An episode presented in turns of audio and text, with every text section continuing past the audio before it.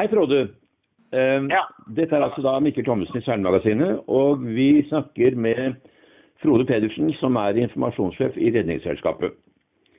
Og grunnen til at jeg vil gjerne snakke med deg, er at eh, det kan jo se ut som at med koronasituasjonen så vil det bli mye båtliv i Norge til sommeren. Og eh, det kan tenkes at det er mange av de båtene som tradisjonelt seiler på Østlandet, i Oslofjorden, at mange av dem vil eh, trekke vestover og nordover, og at det kan bli trafikk på områder hvor eh, det ikke er så mye lystbåter til eh, daglig. Hvordan, hvordan ser dere på det, Redningsselskapet? Hvordan forholder dere til det? Ja, vi er jo eh, vel forberedt foran denne sesongen. Vi fikk jo en forsmak eh, på det her allerede i påska. Eh, og da hadde vi stor trafikk. Det var jo ikke bare enkelt og å skal drive med beredskap på 52 redningsskøyter, som vi har, eh, over hele landet når landet rundt deg blir lukka ned. Det var mye logistikk som måtte på plass for å få skifta mannskap og alt sånne ting på det tørnet som kom like før påske. Altså det mannskapet som skulle gå på på alle redningsskøytene våre da. Men eh, nå har vi jo 130 års erfaring, da, Mikkel, så vi, vi vet jo at eh, vi klarer å fikse det her. Eh, så det, det tror vi skal gå bra. Og som du sier, så er også våre Eh, altså det vi har eh, hørt og, og for så vidt sett, så ser vi at det er en slags mobilitet i båtflåten i år. Og siden veldig mange skal være hjemme, så kommer det til å bli trafikk langs hele kysten. Så, men vi er som sagt forberedt. Det er vi.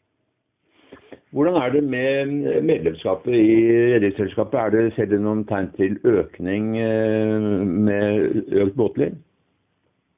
Ja. Vi har jo, vi har jo både et eh, småbåtregister og så har vi da et totalmedlemskap. og vi har sterk økning i antallet totalmedlemmer. Bare frem til påske så hadde vi over 1000 nye innmeldinger, altså nye, nye totalmedlemmer. Eh, Og så har vi hatt ca. 130-160 innmeldinger i småbåtregisteret eh, siden eh, før påske. Og det, jo, det indikerer jo noe om at det er en mobilitet i markedet. Altså at flere kjøper båt og vil ha den forsikringa det er. Både å være medlem i småbåtregisteret og ikke minst være totalmedlem i Redningsselskapet. Og sånn sett så er det jo altså det å være medlem hos oss, det er jo vi tar jo ofte den førstelinjetjenesten eh, når det skjer noe, og det er ikke så mange som tenker på. Og så har vi jo vi har en slags preventiv virkning på sjøen, og det er ikke alt som går riktig galt. Det er Mange ting løser vi der og da ved å hoppe om bord og, og, og skifte et filter eller fylle på litt ekstra drivstoff og sånne ting.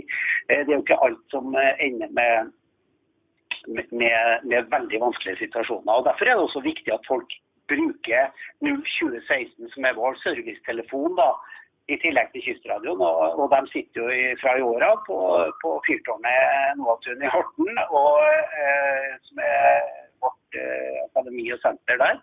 Og dem, eh, vi er da forberedt til å hjelpe båtfolk som har små og store spørsmål. Så, så vi oppfordrer denne sesongen heller en telefon for mye enn en for lite. For det kan være med å løse veldig mange ting som kan eskalere.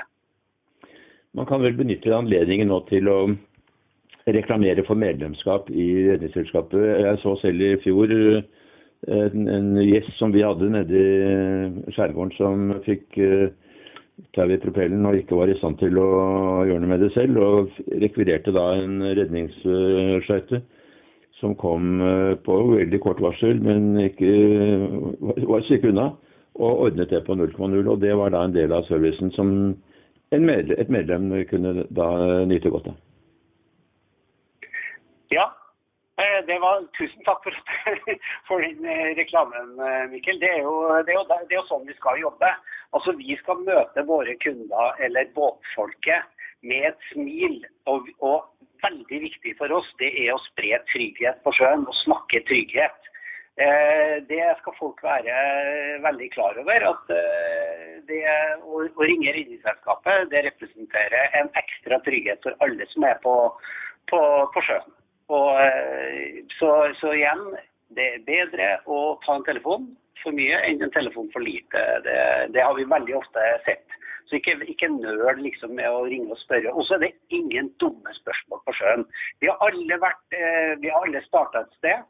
Eh, og Sånn er det også med båtfolk. Eh, eh, det er nok veldig mange forum som ikke er særlig hyggelige mot, mot alle, alle, nykommere på sjøen. Vi mener at man skal ta imot alle med, med respekt og ønske dem velkommen. Vi har også alle vært med å gjøre dumme ting. Jeg har kjørt på skjær, jeg har kjørt propell nedi. Eh, og de som ikke ennå har gjort det, de kommer til å gjøre det.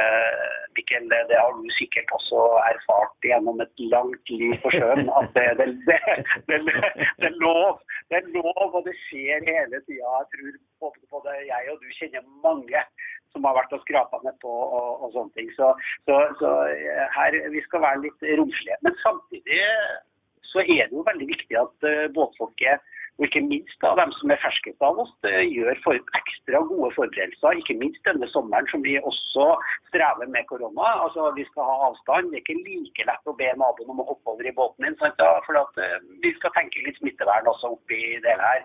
Så Derfor uh, oppfordrer vi altså alle til å forberede seg ekstra godt foran denne sesongen. Uh, det betyr at man ser over båten Eh, man går igjennom. Er man sånn at man er på kjøperen og skal ha en ny båt, som veldig mange har gjort i vår, ifølge Finn så er det jo en oppgang på 50% Og de må også registrere salg, så der, eh, der kommer nettopp en debatt med Finn nå. Og der eh, var de veldig klare på at det er en enorm eh, frekvens på, på, salget via Finn. Så, så der er det, det, det betyr jo at en del eh, det er jo en del eh, ferske båtbrukere der ute, og de må ta ekstra hensyn. Og så går det an når du kjøper en båt da, og be om litt eh, gode råd, og gjerne si at du ikke er veldig båtvant. Det er lov å være ærlig, vet du. og Alle trenger ikke være verdensmester i alt. Eh, og da snakke med tidligere eier f.eks.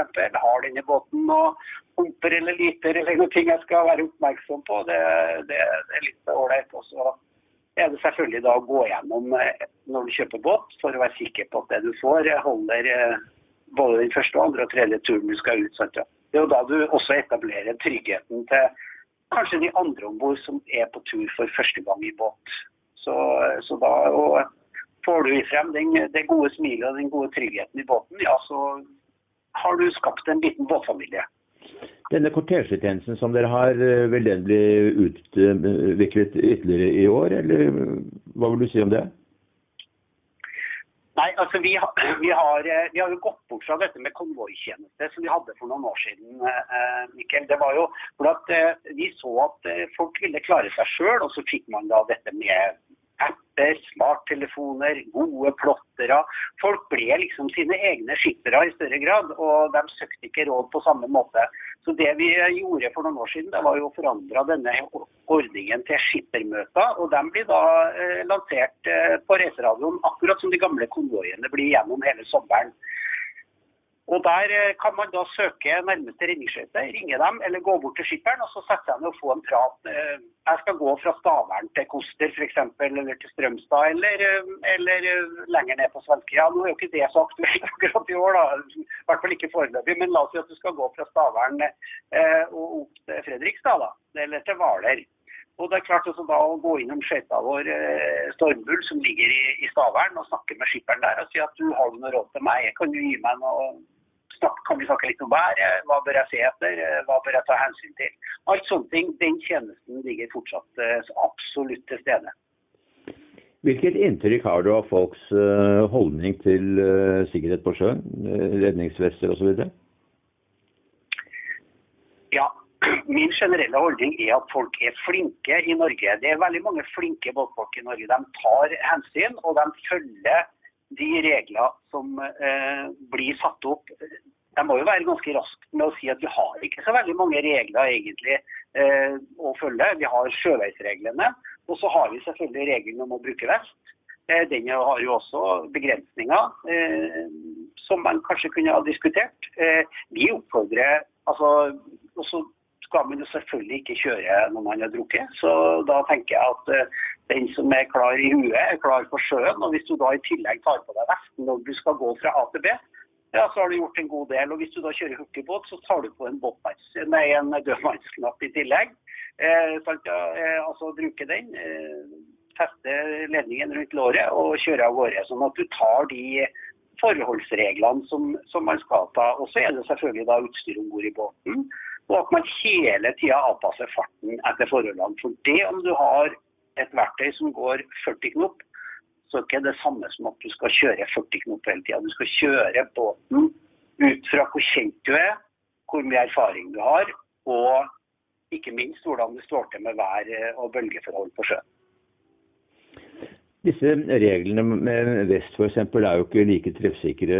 og uh, Man kan si at uh, det er litt pussig at man ikke har krav til vest når man har en båt som er mer enn åtte meter, eller at man må ha kreft, eller må ha en vest når man skal uh, ligge på dekk og sole seg osv. Det, det virker jo ikke helt logisk. Eh, Nei, det kan du si. Men nå var det vel sånn at eh, jeg tror politikerne, når de eh, laga den regelen, så på hvor det var flest båter, og hvor eh, man var mest utsatt for ulykker. Og da fant man ut at det var i båter under åtte meter, at det var der var den største Altså, da, da kommer man til å treffe på best mulig måte. Det er i hvert fall det jeg har fått med meg. Eh, altså det er jo, Spør du meg personlig, så mener jeg at alle bør bruke vest. Men det handler jo ikke om jeg synes det er så det, Vi må jo ikke ha en diskusjon om hva som eh, altså, det, Eller det er bedre å snu diskusjonen og si at eh, eh, tenker man på egensikkerheten og tenker man på at man vil komme hjem til familien sin, ja, eller at man hvis man er så uheldig å dette ut av båten, ja, så overlever man. Det er jo derfor du skal bruke vest, ikke fordi myndighetene absolutt sier det. Altså, og, og, der eh, blir jeg jo av og til litt eh, Mikkel, nå vet jeg jo at du er jo en ihuga seiler, men du er også motorbåtmann. Men du har jo vært med på utallige seilaser i ditt liv. Eh, og seilerne er jo dem som liksom står litt ekstra steilt på dette med vestbruk. De er sin egen skipper best, for å si det sånn, og vil gjerne bestemme dette. Eh, men vi vet jo det, for vi redder jo faktisk en del seilere innimellom også. Og eh, jeg tror nok en del av dem er veldig happy for at de bruker sikkerhetsutstyr og tenker sikkerhet. Så, så jeg oppfordrer jo alle, uavhengig av lover og regler, til å tenke egen sikkerhet og, og, bruke de sikkerhetsmidlene man har til rådighet. Eh, jeg kan selvsagt forstå at under en regatta så kan kanskje en, en seil, en vest være i veien og sånne ting, men, men der er jo også regelverket tilpassa akkurat sånne ting når man er i en konkurransesituasjon. Så, så ja, og så er det jo både jeg og du vet jo det gjennom et langt liv med båt, så, så vet du at det er utrolig hyggelig å, å komme hjem til familien. Og vi, vi, kjenner sikkert også noen som ikke har gjort det. Og det vet jo hvor mange som blir berørt eh, ved, en, eh, ved at noen faller fra på sjøen. Det er ikke hyggelig. Og veldig mange av dem forsvinner jo for godt, og vi finner dem ikke. Og det blir jo ekstra ekstra belastning for familien. Og da kan skillet mellom det å få noen, eller det at du kommer hjem, det kan være at du bruker en vest, f.eks. Det er udiskutabelt, eh, Frode. Um, ditt eget forhold til båt. Du er jo da profesjonelt uh, engasjert gjennom Redningsselskapet og uh, gjør en kjempejobb der med å spre det gode budskap. Men ditt eget båtliv, da, hvordan er det med det? Du, Mitt eget båtliv det har jo vært ganske turbulent. Nå har jo jeg hatt forskjellige båter. Men eh, jeg har jo falt ned på altså Man, man behovsprøver jo seg sjøl hele tida, og så finner man ut akkurat etter, etter at man har prøvd en del båter, så finner man ut om man havner For min del så har jeg da falt ned på en fem meters ribb.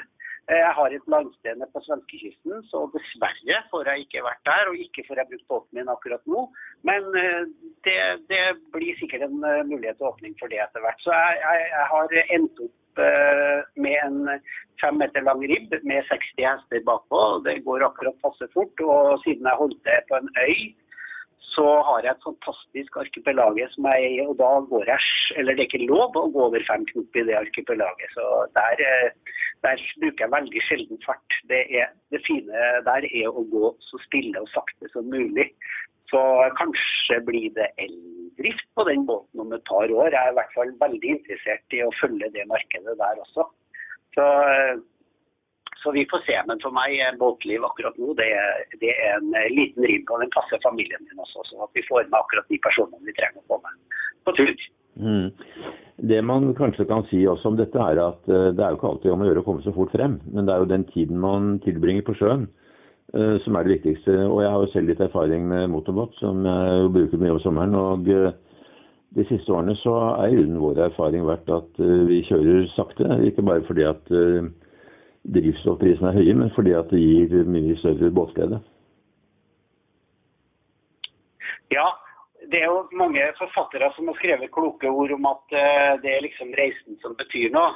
Og det, og det er jeg helt enig med deg. og det er vel akkurat der jeg, jeg havna også, Mikkel. Jeg, jeg syns det er fantastisk å, å tøffe rundt i to, tre, fire knop.